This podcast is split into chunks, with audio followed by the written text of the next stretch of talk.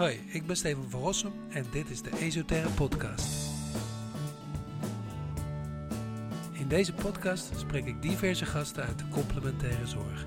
Van lichaamswerkers tot psychiaters en van relatietherapeuten tot wetenschappers. We hebben het over fascinerende onderwerpen die ons mensen bezighouden. Bewustzijn, vitaliteit, gezondheid, persoonlijke ontwikkeling, etc. En elke keer worden we weer iets wijzer. Luister je mee?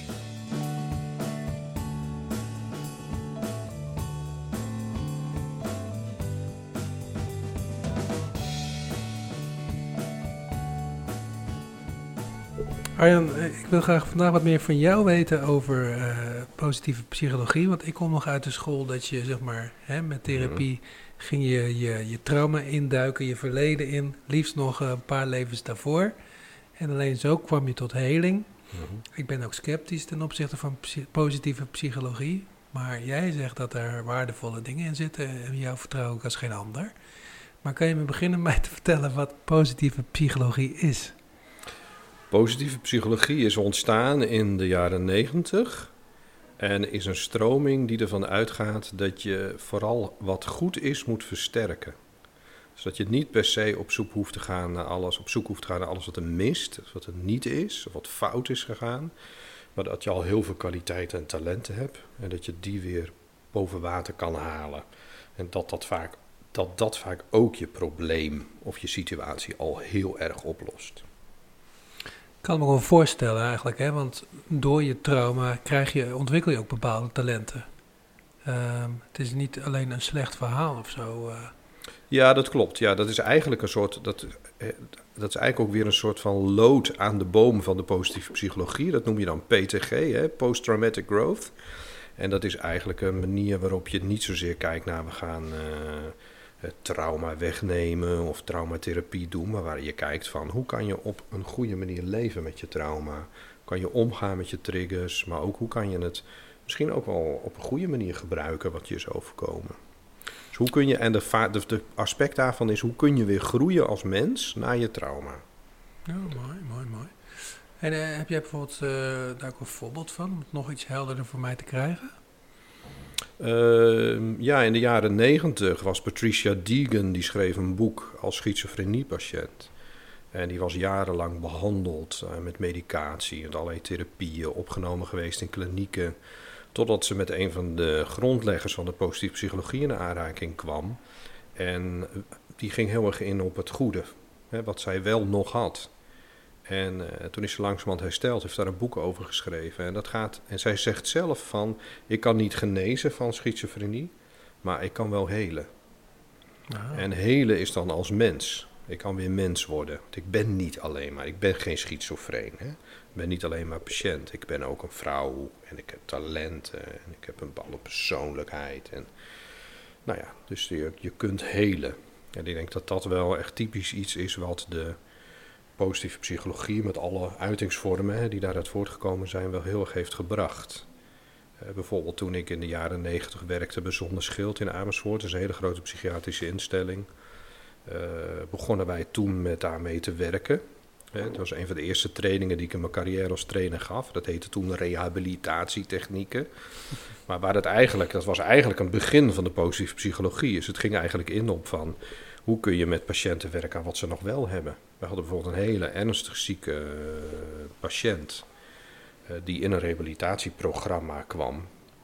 En toen kwamen we erachter dat hij gewoon conservatorium saxofonie had gestudeerd. Maar dat zijn saxofoon nooit meer werd aangeraakt omdat hij door zijn medicatie ook last had van een bijwerking, waardoor hij te veel speeksel produceerde. En daardoor niet goed saxofoon kon spelen. Maar goed, toen we daarmee konden werken en hij weer de saxofoon op ging pakken, uh, kreeg hij weer een doel in zijn leven. Werd het ook weer een leuke mens. En konden we eigenlijk kijken van hoe kan jij nou een goed leven hebben als saxofonist. En waarbij we de zorg er wat omheen brengen. Maar dan ben je vooral gewoon een saxofonist. En dan ben je niet een uh, psychiatrisch patiënt. Dan ben je een saxofonist met een depressie. Is toch anders? Ja, nee, zeker. Dan kun je ook heel mooi saxofoon spelen trouwens. Ja, ja, nou ja. Ze zeggen altijd dat muzikanten een beetje iets uh, triestigs moeten hebben of zo, hè? Ja, Als klopt. inspiratiebron. Ja. Maar, uh, nou ja, het, het, het, ik bedoel, um, ik, ik, relateer het even naar mezelf. Hè. Um, ik krijg veel mensen op de massagetafel die last hebben van hun lijf. Ja. Ik kan ze niet altijd van die klachten afhelpen, maar nee. mijn doel is soms om ze er in ieder geval in te laten ademen. Ja. Dat ze daar, daar weer gewoon door ademen en ermee kunnen zijn of zo. Dat klopt, dus je kunt, klopt, het is, gaat heel erg over uh, jezelf weer voelen. Ze zeggen dat ook wel eens. Hè? Als, je, als je iemand vraagt hoe voel je, dan zeg je ik voel me goed. Nee, zou ik zeggen, ik voel me kloten, weet je Ik voel me heel slecht, ik heb pijn. Maar eigenlijk is dat ook een vorm van goed voelen, want je voelt jezelf goed, snap je? Dus je bent in contact met je eigen gevoel. Ja. En dat is denk ik al heel belangrijk, iets wat een massagetherapeut kan doen. Wat ook heel grappig is, als je naar de positieve psychologie kijkt, dan is er een soort trend geweest decennia lang, dat je dus eigenlijk gaat voelen bij de cliënt totdat je voelt waar de pijn zit. Hè? Hmm. Eigenlijk vraag je dat dan ook, doet dit zeer? En als de cliënt dan nee zegt, dan is er gauw het gevoel van, oh ja, dan zit ik niet op de goede plek. Ja. Terwijl je zou ook kunnen kijken, hè, je bijvoorbeeld kijkt wat haptonomie heeft toegevoegd, die vaak toch bijvoorbeeld massage ook juist doet op de plek naast de pijn. En dan vooral de plek die, die dat deel draagt. Ja, dus dat je dus gaat kijken, kun je het deel eronder of eromheen versterken? Want als je dat kan doen, dan zul je vaak zien dat daardoor ook de pijnlijke plek verbetert, omdat die beter wordt gesteund. Wauw, wat mooi. En dan zegt iets in mij ook, uh, uh, misschien de Calvinist, die ik dan toch heb, van ja, je zal toch ook die ellende en de trauma in moeten duiken. Ja, dat is kan. Dat? Ja, dat is misschien zo. Is het en en? Hoe werkt dit? Nou, ik kan, er zelf, kan zeggen wat ik zelf vind, kan zeggen wat er onderzocht is. Laat ik even met dat laatste beginnen. Uh, wat er onderzocht is, is dat het niet per se nodig is. Als je bijvoorbeeld kijkt naar het werk van, uh, van Kim Imso-Berg, een van de grondleggers van de positieve psychologie, die koos er ook bewust voor om met uh, patiënten gewoon helemaal niet naar de oorzaak te gaan. Maar alleen maar naar de symptomen te gaan. Alleen maar te kijken van. En dan ook niet eens de symptomen in de zin van hoe lossen we die op. Maar in de zin van hoe kun je, zeg maar, vanaf heden weer positief met je leven aan de slag gaan. En dat daardoor eigenlijk het perspectief op het oorspronkelijke trauma ook veranderde. Ja, uh, concreet voorbeeld daarbij is, ze werkte met een groepje vrouwen die uh, uh, seksueel misbruik hadden meegemaakt. Dan kun je natuurlijk helemaal naar dat onderwerp gaan, maar dat werkt ook vaak weer heel veel schaamte en heel veel verdriet en ook heel veel herbeleving op. Um, maar als je naar de gevolgen kijkt, weinig contact hebben met je lichaam, jezelf niet mooi vinden, moeite hebben met intieme relaties, uh, altijd op je hoede zijn, angsten hebben. Uh, als je dan daarmee gaat werken, hè, dus je gaat meer kijken van kun je, hoe kun je jezelf weer mooi vinden, hoe kun je jezelf weer genieten van je lichaam, uh, hoe kun je leuke dingen voor jezelf doen. En er kwam eigenlijk een programma uit voort waarbij de patiënten ook gewoon opdrachten kregen van koop deze week iets leuks voor jezelf. Of kies een leuke jurk uit. Of uh, doe iets liefs voor jezelf. Uh, raak deze week iemand aan op een manier dat je denkt, nou daar heb ik zin in. Of misschien dan wel nog spannender. Van laat jezelf eens aanraken op een manier waar je zin in hebt. En bijvoorbeeld als het om aanraken gaat en spanning daarop, zou je natuurlijk ook kunnen zeggen van, kun je misschien je partner of degene met wie je contact hebt, vragen om gewoon jou de leiding in handen te geven. Dat de ander niet jou zomaar aanraakt, maar dat jij zegt van, ik wil graag dat je me nu op mijn wang aanraakt. Ja. Nou ja, enzovoort. Dus, dus op die manier ga je eigenlijk werken aan het goede.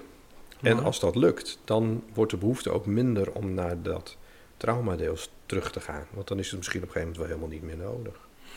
Wauw, klinkt, eh, klinkt, eh, ja, klinkt logisch ook wel. Maar ik zit toch nog een beetje van... Volgens mij zijn negen van de tien therapievormen zijn toch wel gericht om, om, om in dat verleden iets nog eh, te... Ja, nou het is wel goed om te zeggen dat positieve psychologie nooit beweert dat ze een vervanging zijn voor al het andere. Hè? Dus het is niet zo dat ze zeggen van eh, dat je nooit terug moet gaan naar de pijn of, eh, of het verleden of, of een traumatherapie moet doen. Dus, dus dat kan allemaal heel goed nodig zijn. Ik denk alleen wat positieve psychologie daarbij voegt, is ook heel erg gericht zijn op het versterken wat je al hebt. En het, het aangaan van nieuwe ervaringen die je kunnen helpen. Mooi, mooi. Hey, eh, en eh, kan je dat dan ook vertalen naar lichaamsgerichte therapie? Ja, zeker. Je kunt kijken hoe voelt mijn probleem in mijn lichaam. Maar je kunt ook eens op onderzoek uit hoe voelt de oplossing in mijn lichaam. Bijvoorbeeld, je hebt weinig zelfvertrouwen. Dat ik, een bepaald lichamelijk gevoel hoort daarbij. Maar stel je voor, je zou eens op een experiment gaan van... Stel je voor, ik heb zelfvertrouwen, echt op een goede manier. Hoe voelt mijn lichaam dan? En zou je dat gevoel in je lichaam kunnen opzoeken? Zou je dat ook kunnen gaan versterken? Door je misschien wel zo te gaan bewegen. En je misschien wel zo te gaan gedragen. Als iemand doet met zelfvertrouwen. Je zou bijna een beetje kunnen zeggen fake it till you make it. Ja. Uh, maar dan is dit geen, uh, geen truc. Maar meer een positief onderzoek. Nou ja, dus er zijn genoeg onderzoeken ook, of genoeg. Ik weet in ieder geval dat fake it till you make it ook echt wel helpt. Hè? Dat als Ja. je een bepaalde houding aanneemt, dat, Ja. dat is de psychosomatiek, dat je gevoel zich Ja. daar ook, ook weer aan aanpast. Dat niet alleen je gevoel je leidend is, maar je lichaam is daar ook gewoon heel Zeker. Ik had een cliënt die, eh, die klaagde over het feit dat niemand naar haar luisterde. Ehm, toen gingen we daar verder naar kijken. En daar zat er heel veel verdriet onder. Nou, daar kun je natuurlijk naartoe gaan. Hè? Dan ga je meer naar de probleemkant. Maar we zijn ook naar de oplossingskant gegaan van, van hoe ziet dat er fysiek uit? Hè? Als mensen wel naar jou luisteren. En toen kwamen we ook op het feit van iemand die, die waarnaar geluisterd wordt, die, die, die gaat ook iets naar voren. Die komt echt met zijn lichaam een stukje naar voren. Die wacht niet af, maar die maakt zich iets groter. De borstkast wordt wat groter, de ogen worden wat gerichter. Eh, en heel veel mensen halen ook adem voordat ze iets gaan zeggen. Hè? Dan hoor je echt van, en dan denkt iedereen, je gaat iets zeggen. en eh, zij haalde dat gewoon, zij haalde gewoon geen adem. Dus niemand dacht, ik, je, je gaat iets zeggen. En ze maakte haar lichaam ook niet groot. Dus niemand was bezig met het feit van, zij gaat iets zeggen. En zij is gewoon gaan proberen om op haar werk in, in vergaderingen gewoon zichzelf iets groter te maken. Stoel vijf centimeter naar voren zetten. En als je denkt ik wil iets zeggen, gewoon al- alleen maar adem te halen zodanig dat anderen het horen. En tot haar grote verrassing keken mensen naar haar en zeiden ze: Wil je iets zeggen? Ja. Dus ze had zich bij wijze van spreken nooit voorbereid. Ze was zo gewend, ook van huis uit, dat er niet naar de geluisterd werd. Dat haar hele lichaam was niet ingesteld op de voorbereiding voor het spreken. En ze gaf die, die macht totaal aan anderen. Zo van, ik wacht tot anderen mij laten spreken. Ja, precies. Ja, het klinkt heel logisch inderdaad. Hè? En dan krijg je ook meteen feedback op eh, je actie of reactie op je actie. Hè? En dan zie je meteen een andere reactie dan je gewend bent. Dus dat kan ook weer empoweren. Ja, dat klopt. En de positieve psychologie gelooft heel erg in mini-stapjes. Het bijzondere in de positieve psychologie is dat de therapeut vaak de cliënt ook actief ontmoedigt om allerlei belangrijke dingen te doen. Hè, dus de therapeut zal vooral zeggen van, nou, doe nou maar niet, eh, hou het klein, eh, doe maar iets waarvan je zeker weet dat het gaat lukken. En dat, daar zit een theorie achter. Dus de, de therapeut wil graag dat de cliënt hele kleine stapjes neemt die een soort van succesgarantie hebben. Omdat als je tien kleine stapjes zet, waarvan er negen lukken, dan kom je toch in het gevoel, ik kan het. Waardoor je steeds grotere en steeds eh, verdere eh, stappen maakt. Terwijl als je ergens een te grote stap pakt en daar lukt de helft niet van, dan hebben we de neiging om terug te gaan in, het, eh, in de aangeleerde hulpeloosheid. Ja, dan wordt het weer een zie je wel. ja, ja. hey Arjan, er schiet mij opeens een, een event, een, een live event binnen van vele jaren geleden. Dat ik denk van, hé, hey, daar is positieve psychologie toegepast. Ik was bij uh, ja, ooit een workshop van Willem de Ridder. Ik weet niet of je dat Ja. kent. ja ik ken hem heel goed, ja. ja. Ik, ik weet niet meer hoe het concept was hoor, maar er was een, er was een, oh, dan moet je fan van elkaar. Maar goed, we hadden wat van Ja. die maandelijkse bijeenkomsten. Ja. En er was eh, een, van de mede, eh, een van de gasten die had last van eh, al die keuzes die ze moest maken of zoiets, dit en dat. En dan moest je dan op een bepaalde manier formuleren. En ik eh, formuleerde dat in van, ik geniet van alle mogelijkheden die het, de rijkdom en de overvloed aan mogelijkheden die het leven mij biedt. En ik draaide, oftewel, ja, je zou het ook kunnen zeggen, het is omdenken, maar ik draaide het om en zij moest daar zo van lachen dat, dat ze opeens van de andere kant hetzelfde probleem zag en Ja. het was geen probleem meer. Ja, klopt. Ja, het is het herformuleren van een probleem. Ja, Dat is leuk. Ja, ik ken het werk van Willem de Ridder heel goed. Er zitten heel veel elementen van de positieve psychologie in. Hè, bijvoorbeeld ook dat je een doel altijd positief moet formuleren. ja. En niet ik wil weg bij, hè? Of ik wil geen last meer hebben van mijn trauma. Of ik wil niet Ja. meer bang zijn. Nee. Dat eh, niet meer bang zijn is een doel wat je nooit gaat bereiken. Hè, want gezonde mensen zijn namelijk ook wel bang. Dus het is, het is een onbereikbaar doel. Hè, dus je kunt het positief formuleren. Bijvoorbeeld, ik voel meer moed. Hè? ik voel me moediger. Of eh, ehm, eh, ik kan fijne dagen hebben, ondanks mijn angst. Ehm, dus nou ja, dus dat je, dan ga je dus je focus op fijne dagen hebben. Ehm, Maar dus- zitten er dan ook, eh, ik begin ook iets te proeven van NLP. eh, Ja, NLP heeft daar ook weer heel veel van geleend. Hè. Dus het NLP is eigenlijk een voortzetting van het werk van Dilts en van eh, Milton Erickson. ja. Is iets andere stroom dan de positieve psychologie. Dat is heel erg cognitieve psychologie. Maar er Ja. zitten heel veel elementen daar ook in. Ja. Hè, dus met dat, dat positieve doelformulering zit ook heel duidelijk in. NLP. Klopt, ja. Ja, het is natuurlijk ook zo dat je, eh, tenminste veel therapeuten gebruiken ook een, een, een hulpvraag of een doel. Hè, van, dus je zou zo eh, eh, kunnen beginnen ook met, eh begin with the end in mind, zou eh, kennis van mij zeggen. Ja, ja. en de positieve psychologie houdt heel erg van verlangens. Eh, dus niet van problemen. Natuurlijk, problemen zijn er. Dus zeggen altijd luisteren naar, maar graven niet in. Hè? Want je bent een therapeut en geen archeoloog. Dus, je, eh, dus ga geen oude lijken lopen opgraven. Want daar gaat ontzettend veel tijd in zitten. En uiteindelijk vind je alleen maar doodspul. Eh, dus eh, verlangens gaat het om. En verlangens zijn dingen die je... Daar zit een stuk gevoel in. Het zijn dingen die je heel graag wil in je leven. Waar echt een, een, een passie zit. Want dan maak je de kracht vrij van je cliënt. En, en het hele idee van positieve psychologie, wat mij heel erg aanspreekt, is dat als je de cliënt benadert als iemand met een probleem, of, of iemand die in een problematische situatie zit, het woord patiënt zegt daarin toch ook al wel heel veel. Dat mensen ook in een soort afhankelijkheidsrol terechtkomen. Van jij moet mij gaan helpen als therapeut, want ik ben in een miserabele situatie en ik kan het allemaal niet. En ehm, eh, het uitgangspunt van de positieve psychologie is dat in traditionele hulpverlening de problem is the problem. Hè, Zo de, de gerichtheid op het probleem is eigenlijk het probleem. Want wat, wat, wat creëert dat? Namelijk een hele negatieve mindset. Het creëert afhankelijkheid van de hulpverlener. Eh, het creëert dus een, een, een statusverschil tussen hulpverlener en cliënt. En een, een gerichtheid op, op, op het positieve, op de oplossing, creëert veel meer creativiteit bij de cliënt. Het creëert ook een veel minder sterke afhankelijkheid van de hulpverlener. Ja. Eh, als je kijkt naar een onderzoek, blijkt bijvoorbeeld dat mensen die met, bij een positief psycholo- psychologietherapeut waren, eh, veel betere resultaten hadden dan een, een probleemgerichte therapeut. Maar eh, wel een, een wat lagere score gaven aan hun therapeut. Oftewel, ze hadden dus blijkbaar minder het idee dat de therapeut hun had geholpen. Ja, Terwijl het effect van hun leven was wel enorm dramatisch veel beter. Zelfs zo sterk dat als je het vergeleek met traditionele therapie.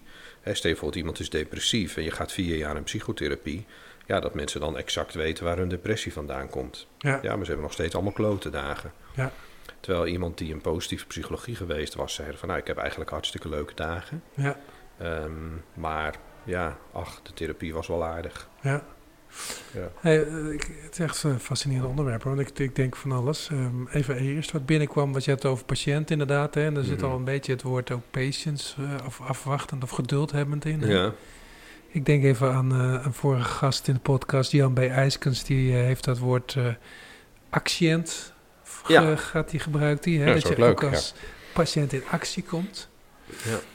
Maar wat ik ook proef is de mogelijkheid voor, ook voor bijvoorbeeld massagetherapeuten. Dat je, ja, je soms, je, je krijgt natuurlijk op de tafel vaak, eh, of in je praktijk, eh, eh, mensen die een klacht hebben in het Ja. nu. ja, Maar die is ontstaan in het verleden. zeker. Hè? En dus je moet eigenlijk als therapeut soms het verleden koppelen aan het nu. Of daar een verbinding Maar in dit is een interessante, hè? want ik ben, ik ben het helemaal mee eens. Dan zou je zeggen, je moet eigenlijk naar de oorzaak van het probleem gaan. Hè? Van, van waar is het begonnen?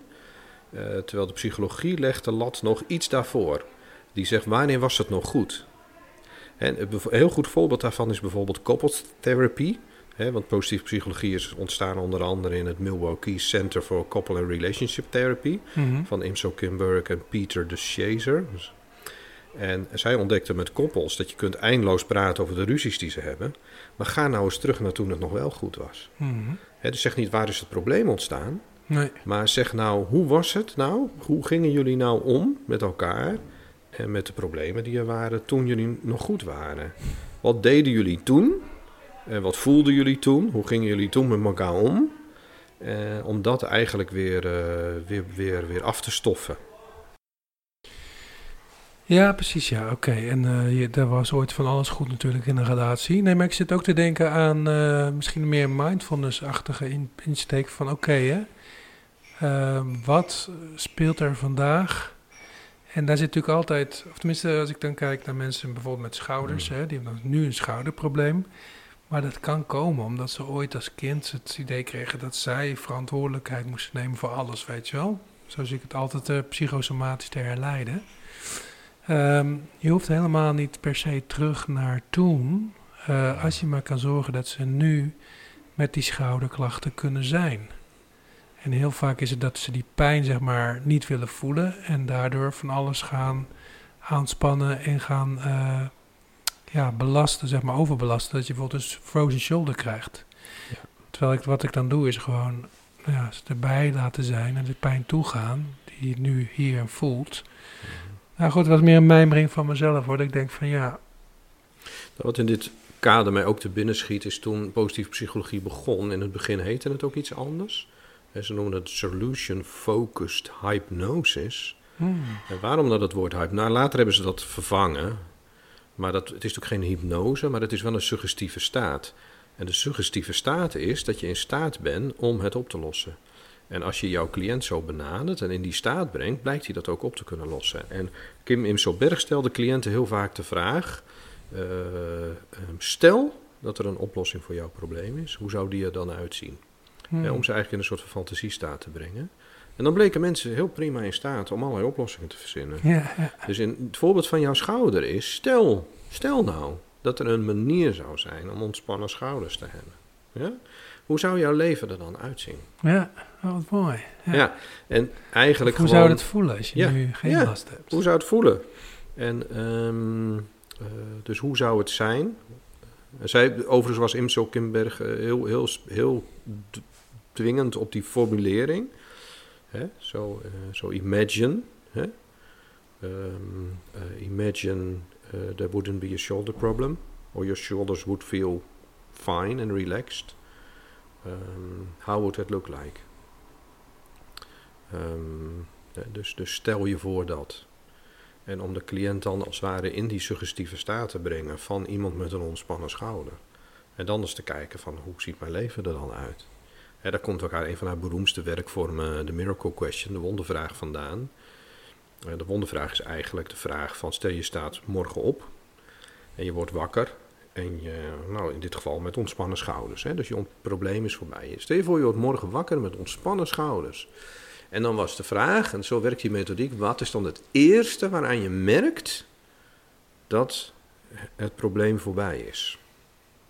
En het tweede en het derde enzovoort. En wat merken anderen aan jou dat, je ontspannen schouders hebt? Dat zijn mooie vragen hoor. Ja, en hoe zou jouw werken dan uitzien? Stel je voor je gaat naar je werk en je gaat achter je bureau zitten. Hoe, hoe, hoe ga je dan zitten? Ja.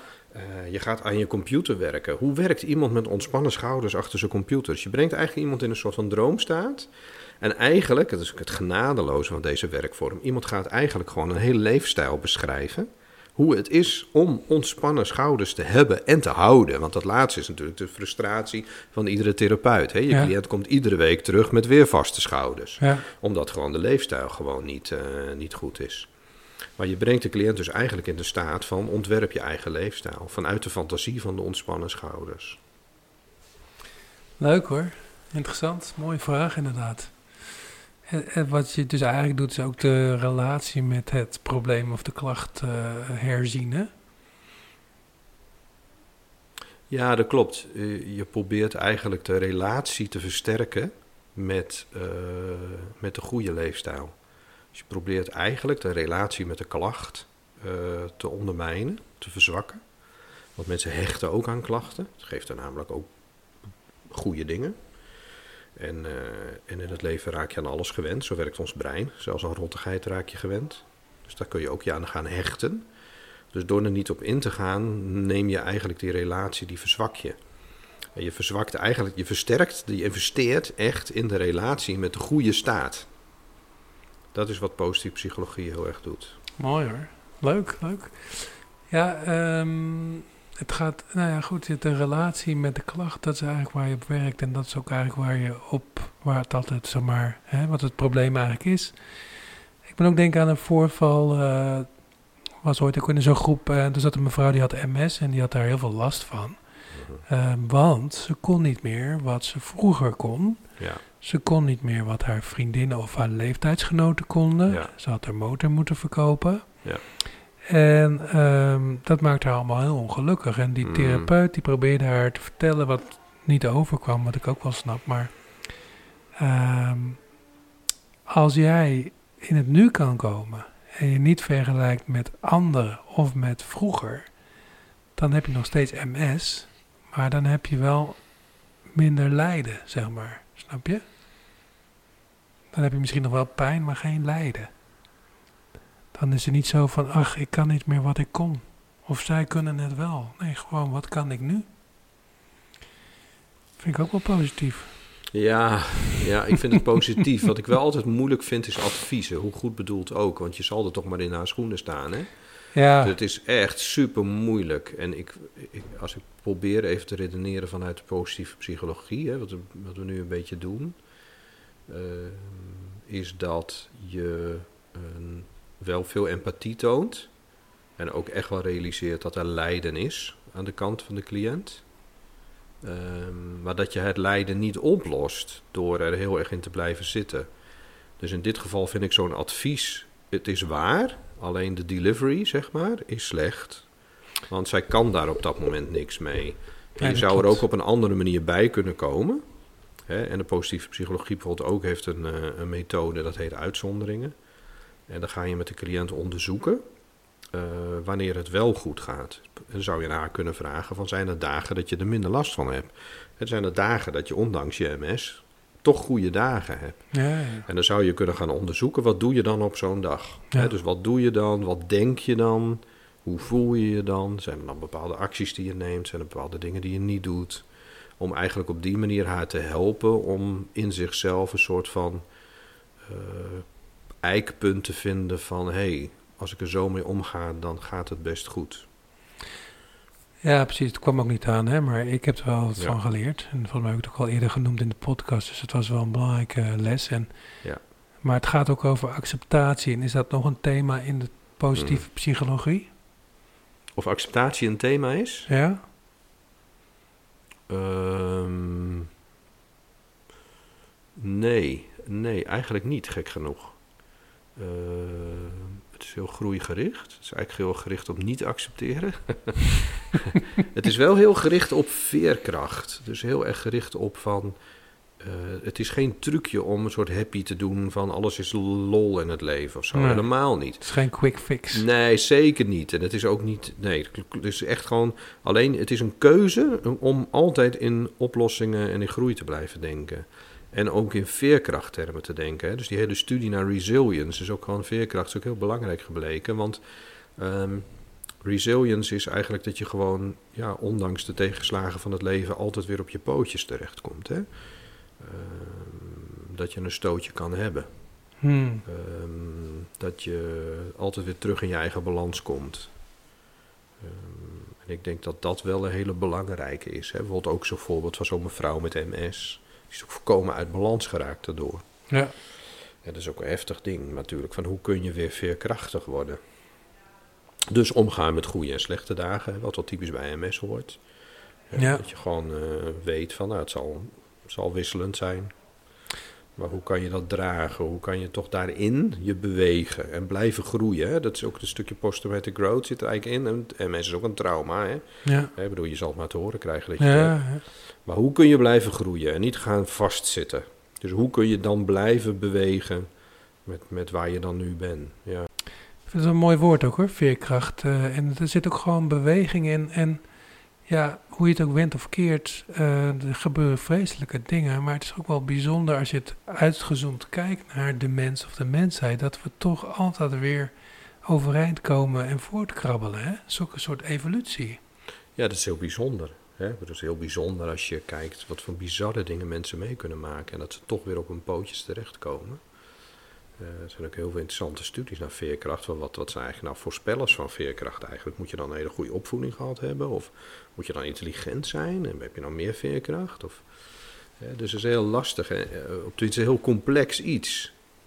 Maar ik denk zelf heb ik zelf ervaren ook, dat lichaamswerk heel belangrijk is voor veerkracht. Als ik zelf lichaamswerk oefeningen doe met studenten, doen we ook heel vaak uh, oefeningen waarbij we elkaar bijvoorbeeld omgooien. Mhm. Uh, gaan stoeien. bijvoorbeeld elkaar knietjes geven in de knie. Doen we dat dan aan de achterkant van de knie. Je moet je bedenken als iemand recht staat en je gaat aan de achterkant van de knie, duw je je eigen knie erin, dan dondert iemand om. Ja. Dus we doen vaak ook dat soort oefeningen. En dan zie ik, dat kan ik zelf ook ervaren, dat je op een gegeven moment denkt van jeetje, de irritante oefening zeg. Maar eigenlijk wat we dus doen, we brengen elkaar letterlijk uit balans. En dan ga je kijken, hoe ga je daarmee om? Wauw. En sommige studenten die worden na twee, drie keer zo geïrriteerd. Dat ze zeggen, ik wil er nu mee stoppen. Ik vind het echt een vreselijke oefening. Maar de kunst is, on, ontdek nou eens waarom je het vreselijk vindt. En heel vaak komt dat het met zijn adem gaan inhouden. Komt het ook door gedachten als dit zou niet moeten mogen, het is niet respectvol, uh, ik wil alleen maar fijne dingen meemaken in deze opleiding, ik wil alleen maar zachte aanrakingen. Maar zo is het leven niet. Dus, en uiteindelijk heb je er misschien heel veel aan door te leren om uit je balans gebracht te worden. En om dan te ontdekken dat als je blijft ademen en je leert met je lichaam daar goed op te reageren, dat je heel, daar heel slim in kan worden. Kijk maar naar die martial arts uh, experts. Ja, ja. ja, die, die, die, die blijven heel rustig staan. Er gebeurt van alles, er komt van alles op en af. Maar die hebben een geweldige manier om al die ellende fysiek weg te zetten, zeg maar. Hè? En, en wat ook wel heel interessant is, daar in dat kader bijvoorbeeld bij haptonomie maak je een onderscheid tussen geheel- en deelbewegingen. En je ziet dat mensen heel erg in hun hoofd gaan zitten, dan gaan ze een soort van geheelbewegingen maken. Dan wordt hun lijf gaat verstarren en dan kun je ze ook één duw geven en dan liggen ze om. Ja, ja, ja. En vergelijk dat eens met een, een hele ervaren martial arts uh, practitioner. Als je die een duw aan zijn schouder geeft, dan zal alleen de schouder van zijn plek gaan.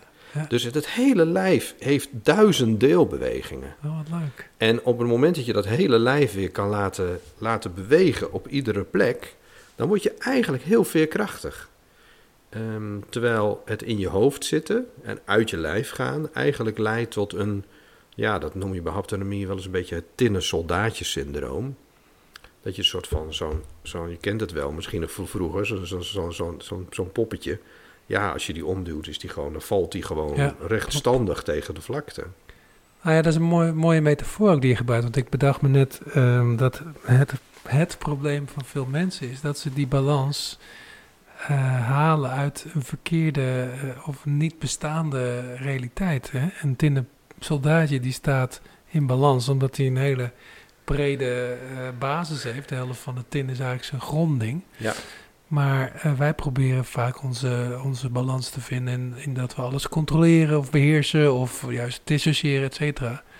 En die wordt natuurlijk met zo'n zo'n eenvoudige lichaamsoefening ook, eh, denk ik, wel Ja. duidelijk. Ik had een hele interessante oefening een keer gedaan met een student waarvan eh, haar partner een ander had. Die was er vandoor ook. En zij was zo boos. En nou, dat mag ook, dat is ook begrijpelijk. En toen kwam de, de vraag van, maar stel dat je ga nou eens gewoon staan en voel nou eens gewoon echt in je lichaam hoe je je voelt. En beweeg daar nou eens in, in die situatie. En toen draaide het voor haar om. Toen zei ze, nou, we hadden het eigenlijk, waren zo gespannen al, al jaren bij elkaar. Toen zei ze, ja, ik, ik vind het allemaal heel erg wat er gebeurd is, maar ik merk wel nu hij er niet meer is, dat ik mijn lijf voelt veel ruimer. Ik merk dat die constante spanning eigenlijk ook weggevallen is. Dus zij ging met een heel genuanceerde gevoel de deur uit. Ze zei van, oh ja, dat is een hele spannende situatie. Dus hier zie je dus ook het verschil eh, tussen geheel en deelbeweging. Hè. Zij bewoog dus als geheel. Hè. Mijn partner is er vandoor en daardoor is mijn hele leven aangort. Ja. Oh ja, het, oh, het is ook Ja. eh, psychisch, kan je ook Ja, zo... je eh, zou ook kunnen zeggen, mijn partner is er vandoor. Dus op romantisch gebied is het even kak, zeg maar. Hè. Maar hoe is het dan met de rest van je leven? Ja, ja, En toen zei ze eigenlijk op een ander vlak in mijn leven merk ik dat ik gewoon ruimte voel en dat ik ademhaal. Dat er een spanning van me afvalt. Dus zij konden daarna ook veel veerkrachtiger naar kijken. Wat leuk, ja, want, want wij mensen zijn natuurlijk wel zo, hè, dat, hoe gaat het? Ja, het gaat goed of het gaat kloten. En, Het gaat kloten, want ik heb één heb je. ding meegemaakt. Ja. Dus ja, ja, ik heb een lekker band, dus het leven, life sucks. We hebben ook geen tijd om die nuances af te gaan, maar nee, nee. in mijn woord van de week is grip. Ja, ik, heb, ik zit nu even in de week met schouders, schouderklachten, veel mensen. En daar zie ik heel veel mensen proberen grip te houden op de dingen, ook in hun Ja. handen. Hè? Ehm, en daarmee span je natuurlijk al aan. Maar veerkracht vind ik ook zo, echt zo'n mooi lijfelijk woord inderdaad. Hè? Wat, je, wat zo psychosomatisch eigenlijk ook is. Hè? Precies wat jij zegt als in het geheel of de delen inderdaad. Wat, wat... Ja, precies. Het begrip is ook een mooi woord. Hè? Maar de vraag is natuurlijk, waar heb je grip op? Waar wil je grip op? Ja, En misschien ook wel interessant is, waar heb je helemaal geen grip op? ja, En, ehm, en eh, kun je daar ook in ademen? Hè, want vaak denk ik met zo, dat vind ik spannend, dat wil ik niet. Dus dat vermijd ik, daar wil ik zo weinig mogelijk aan denken. Maar ja, dat is net hetzelfde als niet aan een roze olifant denken. Dan ga je dat natuurlijk de hele tijd doen. Dus de vraag is van, kun je er gewoon wel aan denken? Wetende dat je er geen grip in hebt. En daar gewoon ook in ademen. ja, En ja. gewoon weten van, nou ja, dat, dat is buiten mijn invloed om. Leuk, dat, eh, mooi woord. Ja, Veerkracht. ja. Hè, vind ik ook bijvoorbeeld bij relaties. Ik kom regelmatig cliënten tegen die dan heel erg worstelen in hun eigen relatie. Ja, dat is heel goed om je te beseffen dat je nooit meer dan 50% van de verantwoordelijkheid kan dragen voor die relatie. Hmm. Ja, dat is het. Punt. Wordt nooit meer. Echt geen procentpunt. Dus ja, dus voor een deel. Je hebt er dus voor 50% grip op jouw relatie. Wauw, dat, Dat is, dus supergoed om je te realiseren.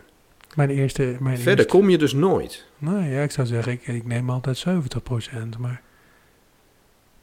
Jij zegt dat kan niet. Nee, dat kan niet. In een gelijkwaardige relatie heb je nooit meer dan 50% van de grip. Ja, gelijkwaardig, maar ja. Nou ja, kijk, en als het ongelijkwaardig wordt, ben je ook de grip kwijt. Want dan heb je eigenlijk een hele ander soort relatie dan je wil. Ja, Dus eigenlijk, dus dat vond ik een laatste, eh, vond ik een hele interessante. Ik dacht Ja. van, ja. Dus ook daarin is het zo, ja, ik heb grip op mezelf en op mijn aandeel erin. En natuurlijk heeft dat invloed op de ander, zeker. Maar, ja, welke invloed? En hoe de ander daar dan mee omgaat, ja, daar heb je geen invloed op. nee. Of deze geen grip. Invloed is wat anders dan grip. Je hebt Ja, misschien is invloed waar. op, maar je Ja. hebt geen grip op. Nee, maar ik, ik zie ook bij in mezelf dat ik denk van ja, ehm, weer voor hoe verhoud je je tot een probleem? Ik denk nu, hè, nu ben ik wat ouder, nu zou ik dingen die vroeger in een relatie voor mij vreselijk zouden zijn, of hè, een einde van een relatie, of in ieder geval een flinke deuk of een slecht teken. Nu ga ik daar ook veel genuanceerder mee om. Ja, Dus ook, het gaat ook over de grip, je eigen grip, zeg maar, of je eigen invloed. nou ja, en ook daarin gaat het om geheel- en deelbeweging misschien wel. Misschien beweeg je nu wel Ja. meer in deeltjes. Dat je denkt, hé, dit vind ik niet zo leuk. Maar dat is niet betekent, betekenis van, oh ja, dan is de relatie niet meer goed. Of dan Nee, moet ik weg. waar, ja. Of dan moet de ander weg. Nou, ik zit even terug te denken of dat klopt met dit verhaal van hem. Vroeger was ik nogal jaloers of zo. Als mijn vriendin dan met iemand anders stond te praten, dan was dat meteen... Nou, ik weet niet of dat een goede is, maar... eh, nee, het is inderdaad waar, ja. De delen, en dat is sowieso ook een goede les hoor. De delen en het geheel. En dan doe ik het, iets in mij denkt toevallig ook dan weer aan, aan eh, Holons van Ken Wilber. Heb je daar wel eens van gehoord? Ja. Hè, het, eh, alles is een deel, maar alles is ook een geheel van iets. Ja. Dus dat is ook wel... Ja, dat klopt. En je kunt het ook zien op de tafel. Hè? Als je een cliënt op de tafel hebt liggen, als massagetherapeut of lichaamsgerichte therapeut, kun je natuurlijk zeggen, nou, ik ga masseren of zo. Maar, maar, maar duw iemand dus van de tafel. Natuurlijk moet je iemand niet volledig van de tafel duwen. Maar op zijn minst doe eens een poging en, eh, om eens te duwen. En als je dan bij de benen duwt, gaat iemand dan compleet van de tafel? Of duw Ja. je dan alleen de benen van de tafel? Dus Ja. beweegt iemand in, in delen of in gehelen? Of in het geheel? Ehm, en wat is bij de haptonomie, want daar komt dit heel erg uit voort, ook is van... eh, land je dan op niets of op iets? Weet je, je kent het wel bij sommige lijven, dat als je daarmee aan het begint te kneden en te duwen... dan heb je het gevoel dat je eigenlijk een beetje een lege huls eh, Ja. eh, is. Dus in een goed, veerkrachtig, gezond lichaam voel je aanwezigheid, zeg maar. Dan voel je dat de ander er is. En je voelt dat de ander reageert op, op de plek waar je aanraakt. Ja, Ja, dus dat het meer geheel dan deel is. Nee, tenminste, meer delen dan geheel is, zou je kunnen zeggen. leuk. Nou, ik, ik was bijvoorbeeld bij Mireille Leeflang, een fasciatherapeut, fascia Ja. stretching. En ik dacht altijd dat ik heel goed kon loslaten. Ik kan mijn Ja. ledematen heel, helemaal loslaten. Nou maar ja, zij ontdekte, en dat is me echt een eye-opener, dat mijn ledematen wel lekker los zitten, maar mijn romp is, is eh, een eenstarre bedoeling. oké. En zo kon ik ook mijn, mijn, mijn- rugklachten inderdaad, die ik vrij geregeld had, Ja. eh, goed herleiden. Ja.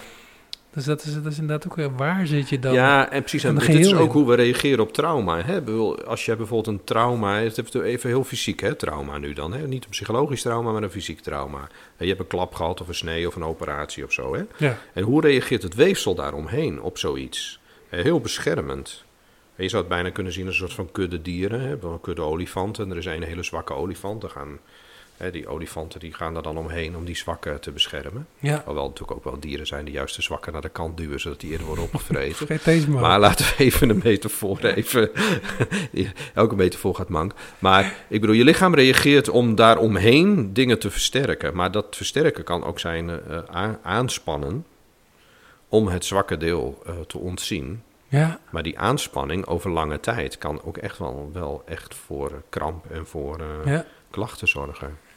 Ja, dat is precies wat ik vertel over die frozen shoulder. Dat is dat geheel probeert te vangen, de klap op te vangen of de lood te, te, te- samen te dragen. Ja, En daar gaat meer dan, hè, dan wordt die reactie een groter probleem dan de, dan de de reactie, ja klopt. De reactie, kan, de reactie op het probleem kan een nieuw probleem veroorzaken. En Ja. dan, nogmaals, je lichaam is ook zo, je hersenen zijn zo, dat we wennen aan ellende en aan reactiepatronen op ellende. En dat die ook weer in een soort automatisme terechtkomen. Dus je gaat op een gegeven moment reageren, je lichaam went eraan, je hersenen wennen daaraan. En dan blijf je dat doen. En soms is het probleem al lang weg. Ik Ja. durf te wedden dat wij allemaal ons in ons leven op manieren gedragen. Hè, die het resultaat zijn van problemen die er al lang niet meer zijn. ja, dus we blijven nog Guilty. met restgedrag zitten. Ja, ook dat is een geheel. Ja. Hey, ehm, kan je niet even een boek over schrijven over dit onderwerp? Het geheel. Er zijn hele goede boeken over, maar eh, ja, ik, ja ik, ik, ik zou het wel eh, willen, ja. Ik ben geen boek aan het schrijven. Ik ben niet zo'n boekenschrijver. Ik schrijf ook cursusmappen, lesmappen. En, maar het is een hele interessante eh, materie. Nou ja, alleen dat ik. stukje wat je nu al pakt, hè, geheel in de, en- of delen. En, dat- en ik zie meteen ook weer daarin de fysieke, maar ook de mentale en ook de, de emotionele reactiepatronen, zeg maar. Fascinerend. Ja, ja, is het zeker. En, ehm, en wat ik zelf heel mooi vind aan, aan de positieve psychologie en, het, en waar we het dan nu over hebben van hoe de relatie tussen lichaamswerk en positieve psychologie, is dat het heel leuk is om met mensen te werken aan het goede. En ehm, eh, ja, dat het echt het probleem in een heel ander licht plaatst. Dus je zou kunnen zeggen dat de traditionele gezondheidszorg wat meer kijkt naar what's wrong with you. Ja, En de positieve psychologie altijd uit uitgangspunt heeft om te onderzoeken what's right with you. ja, En dat, eh, en dat kun je lichamelijk ook doen. Van, eh, van wat is er goed aan je lichaam? Wat voelt fijn? ja. Of wanneer voel je je fijn? Mooi ook wel een van de onderdelen van, de, van, de, van workshops over lichaamswerk is vaak bijvoorbeeld om in de ruimte rond te lopen en je ergens te gaan staan waar je je kak voelt, waar je je echt vreselijk slecht voelt. Ja, In een hoek of bij de deur of weet ik veel. Ehm, en dan gewoon eens te inventariseren van hoe voelt mijn lichaam dan? En je dan ergens te gaan staan waar je je heel prettig voelt. En dat kun je een soort van plaatjes maken in je hoofd. En jezelf de keuze stellen om wat vaker per dag jezelf af te vragen van hoe voel ik mij op dit moment? En wat zou ik nu kunnen veranderen aan mijn stoel of aan de bank of aan mijn lichaamshouding terwijl ik sta? Om me op dit moment in mijn lichaam beter te voelen. Mooi, mooi. Ehm, nou, hartstikke bedankt. Ik, weet al inmiddels veel meer over positieve psychologie, maar ik ben vooral veel geïnteresseerder geraakt. Is er nog iets in die psycho- positieve psychologie die je nog als, als laatste onderwerp ehm, mee wilt delen aan, aan ons, aan mij? Ja, er, is- er gebeurt heel veel in. Het is een, ook een vakgebied dat continu in ontwikkeling is. Dat vind ik er heel leuk aan. Ehm, nou, wat misschien nog wel leuk is om te vermelden, is eh, het onderwerp waardering. Eh, in de positieve psychologie is het heel gebruikelijk dat de, dat de therapeut veel waardering toont voor de cliënt. Ehm, en eigenlijk is het doel om de cliënt te gaan helpen om zichzelf te waarderen. Want dat is een, blijk, een heel belangrijk onderdeel van resilience, van veerkracht, zelfwaardering. En ehm, dus je gaat eigenlijk altijd kijken van wat valt er te waarderen. Eh, wat valt er te waarderen aan jouw eh, vastzittende schouder? Hmm. Wat, wat is het goede van deze klacht? Is er iets goeds aan? Of is het goede van hoe je hiermee omgaat? Ja, Hè, dus je gaat eigenlijk altijd kijken van wat valt er aan deze situatie te waarderen. En dat zou je ook zo kunnen vragen aan je cliënt. Maar als je zelf als therapeut daar iets in ontdekt. Hè, bijvoorbeeld iemand zet zich heel erg in. Hè, bijvoorbeeld iemand komt wel naar jou. Hè, dat valt al te waarderen. Je, blijkbaar, je, je doet er dus iets mee. Ja, of je vindt Eh, het belangrijk genoeg om er iets aan... Ja, ik vind het belangrijk. Eh, stel je voor dat je werkt keihard de hele dag. Je zit de hele dag achter een beeldscherm en je neemt geen pauze. Dat is natuurlijk dom. Maar wat, verand, wat valt eraan te waarderen? Ja, je, bent het dus, je vindt het dus heel belangrijk, werk. En je wilt het dus heel graag goed doen. Ja, En eh, je kan je dus blijkbaar ook heel goed concentreren. mooi. Hè? Dus je probeert altijd aan te geven wat er te waarderen valt. Dan kun je daarna natuurlijk kijken van, maar hoe kun je het dan op zo'n manier doen dat je schouder het ook leuk blijft vinden, snap je? Maar je gaat niet vanuit van, oh wat, is je, wat, wat ben je dom dat je dit zo ver hebt laten komen. Ja, dus je, je, je, je zoekt altijd naar waarderen. Dus dat is het waarderend onderzoek, de appreciative inquiry op zijn Engels. Dat is een heel belangrijk onderdeel van, eh, van het werken met cliënten. oh, dat vind ik ook een hele mooie. Want we, we, we neigen ernaar om vaak negatief te oordelen. Hè, waardering is misschien ook wel oordelen, maar het is wel echt iets meer op zijn waarde zien. Hè, bijvoorbeeld een innerlijke criticus, die probeert ook alleen maar het beste voor jou te regelen, weet je wel? Absoluut. Heel veel mensen verfoeien. Ik ook onze innerlijke criticus, maar het heeft Ja. heel veel waarde. Ja, en het mensen te negatief verantwoordelijk houden voor hun eigen problemen eh, leidt eh, niet tot creativiteit. En, en dus de vraag is niet eens of het waar is of niet, dat het iemand schuld is, maar het leidt tot niks. Je hebt veel meer aan een, aan een eh, zelfvertrouwen dat je de situatie te lijf kan. En dat je dus ook al ervaring hebt met dit soort zaken.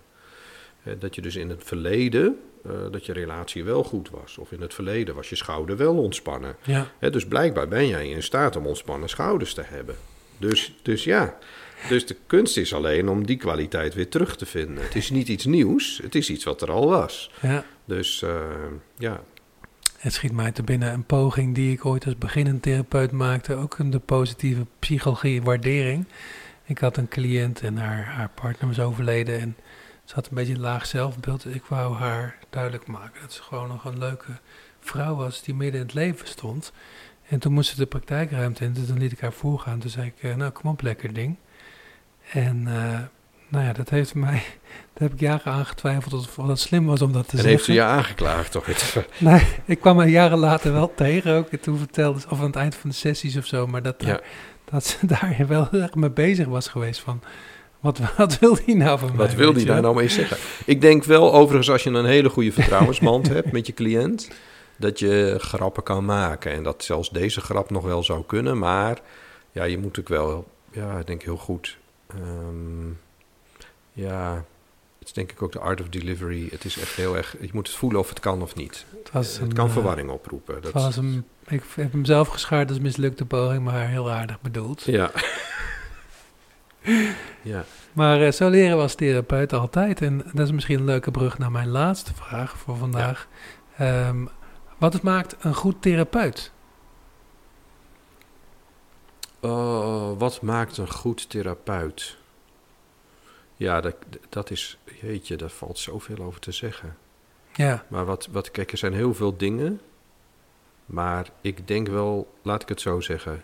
Ik denk wel een soort van, van wens om te groeien. Eh, dat je het leuk vindt om zelf te groeien in je eigen leven. Dat je er ook van geniet als de ander dat ook doet. Ehm, dat je altijd de ander in die beweging kan zetten. Eh, bijvoorbeeld grappig met jouw voorbeeld van die MS-patiënten. Die therapeut of die, die docent of wie dat ook tegen haar zei, zet haar eigenlijk niet in de groei. Die, die, die geeft een soort eindpunt aan, maar dat helpt haar niet om te groeien. Dus de kunst is van hoe kan je haar wel in die groei krijgen. En dat Ja. doe je als eerste door aan te sluiten bij waar ze nu is. En dan te kijken van heeft zij creatieve vermogens die ze nu blijkbaar niet gebruikt en die we weer kunnen triggeren. Dus dat altijd op zoek zijn naar wat voor kracht heeft iemand, wat voor een groeiwens, wat voor verlangen. En hoe kunnen we iemand uit die freeze halen? mooi, mooi gezegd. Eh, eh, en daar hoor ik ook iets van beweging in of zo, hè? Hoe kan je een beweging eh, creëren? Ja, dat is zeker zo. En dat is denk ik de kracht van lichaamsgericht werken. Dat je dat ook heel letterlijk opvat. Ja, Hè, Dat je, je letterlijk je cliënt in beweging gaat zetten. ja, Hè, bijvoorbeeld, goed, als ik daar een voorbeeld bij mag noemen. Ik heb wel eens met cliënten gehad die bijvoorbeeld echt over vastzittend verdriet praten. En dat dan heel moeilijk vinden.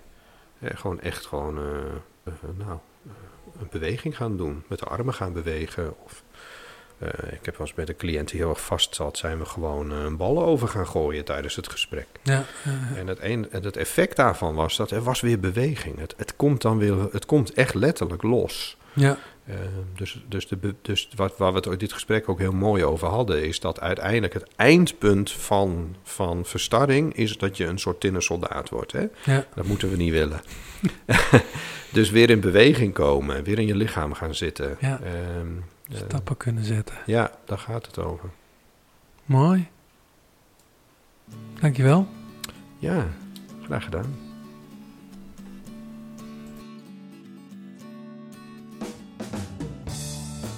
Deze podcast is gemaakt door interviews Stefan van Rossum, redactie Esmee Donker en Maurice de Gruiter. Muziek is van Stefan Alexander. Heb je interessante gasten of onderwerpen? Laat het ons weten. Vind je de podcast leuk? Vertel het aan andere mensen. En volg ons op Soundcloud, Spotify of iTunes. Bedankt voor het luisteren en tot de volgende keer.